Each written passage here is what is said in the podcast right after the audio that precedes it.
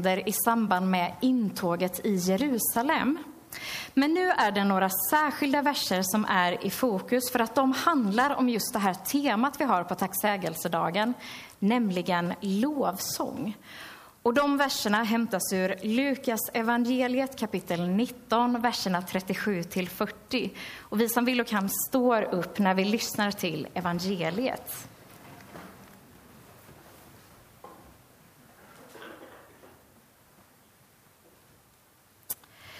Då Jesus närmade sig staden och var på väg ner från Olivberget började hela skaran av lärjungar i sin glädje ljudligt prisa Gud för alla de underverk de hade sett. Välsignad är han som kommer, konungen, i Herrens namn. Fred i himlen och ära i höjden. Några fariser i folkmassan sa då till honom, Mästare, säg åt dina lärjungar att sluta. Han svarade, jag säger er att om de tiger kommer stenarna att ropa.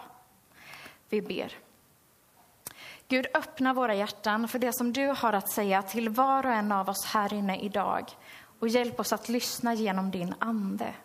I Jesu namn. Amen. Och varsågoda och sitt.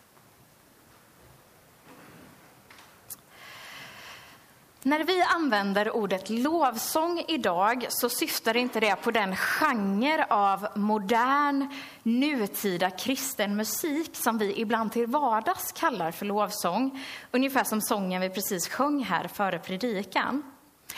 Jag jobbade tidigare med en församlingsmusiker som brukade kalla sån här musik för sakralpop alltså kyrklig eller helig populärmusik, för att göra skillnad då på nyare kristna sånger och det som egentligen är lovsång.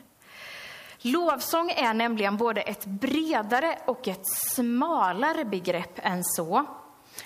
Lovsång handlar dels om sång och musik som ärar och prisar Gud, vilket en del sakralpop gör, medan andra nyare kristna sånger istället är proklamerande eller berättande bibelsånger, tillbedjande bönesånger, vädjande klagosånger eller någonting annat. Lovsång är också någonting mer än en musikgenre.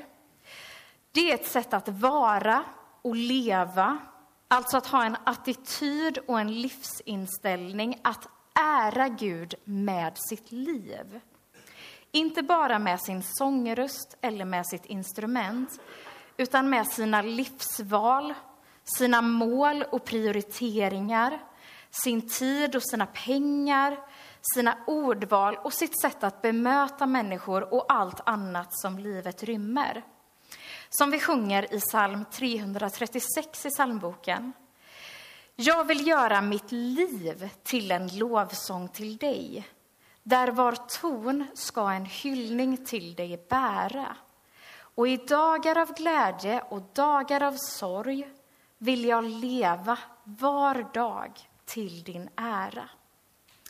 Att göra sitt liv till en lovsång handlar om att vad som än händer i livet, i medgång och i motgång, låta äran till Gud vara ett grundackord i tillvaron.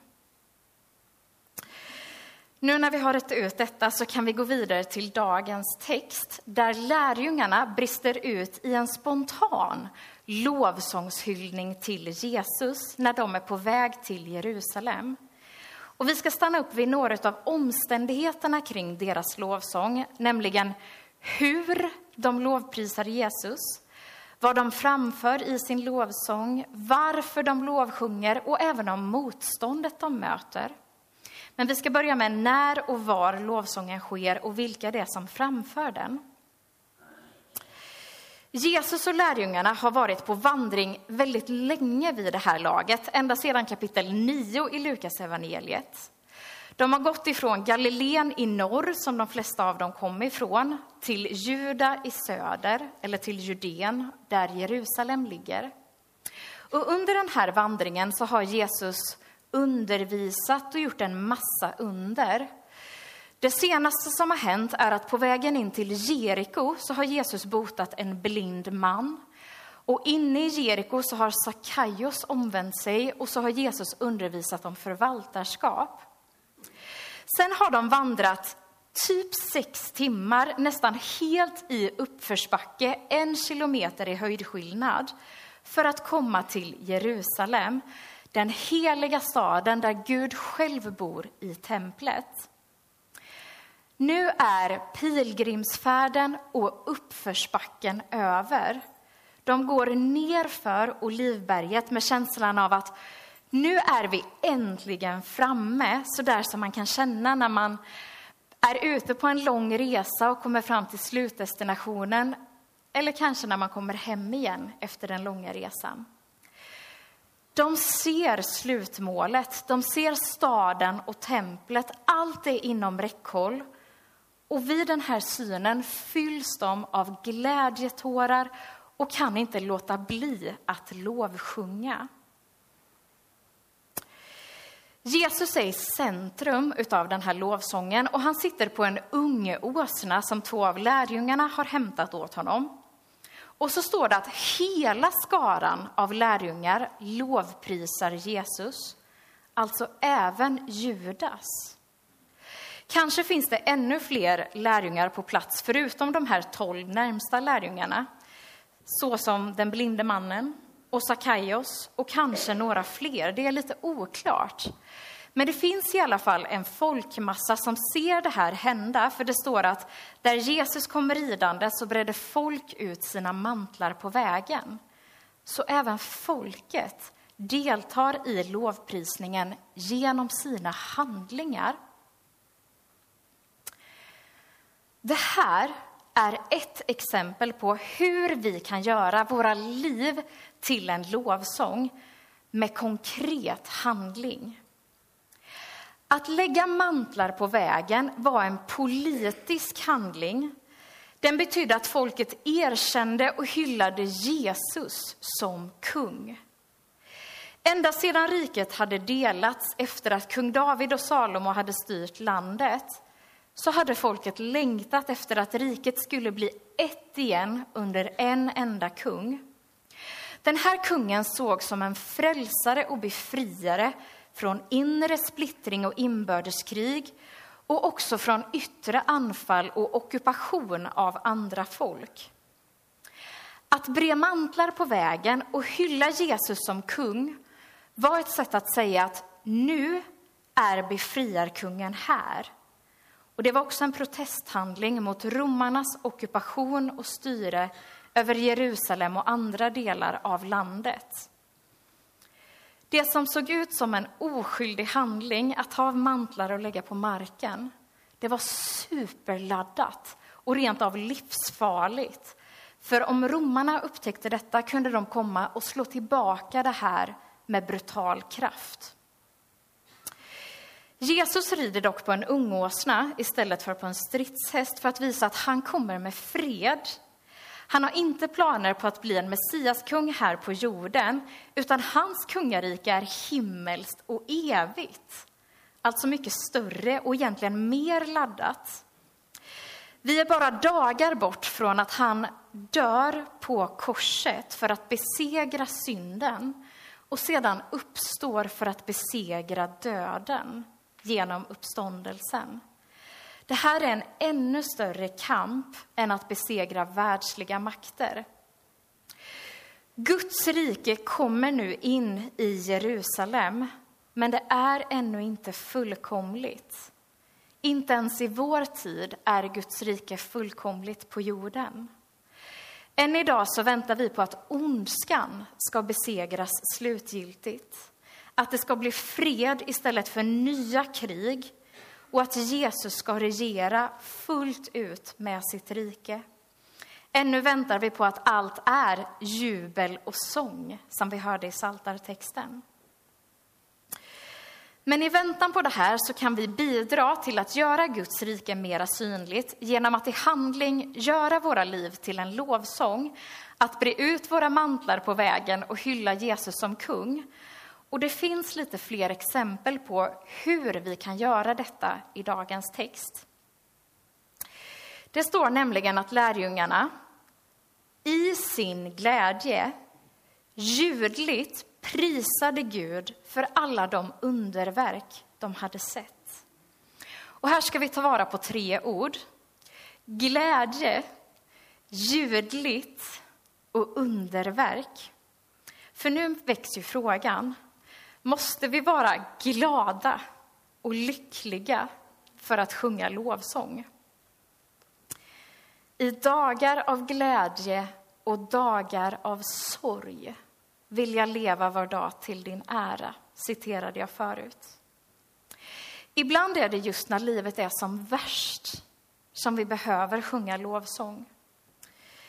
I Apostlagärningarna så sitter Paulus och Silas i fängelse. De har blivit pryglade, men mitt i lidandet så sjunger de lovsång. Och då sker ett ännu större under.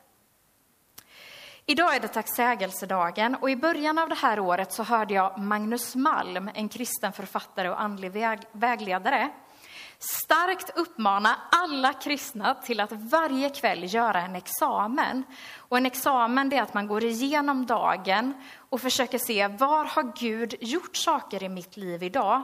Och sedan tackar man för det. Tidigare den här veckan så hörde jag också ett föredrag av en forskare som sa samma sak.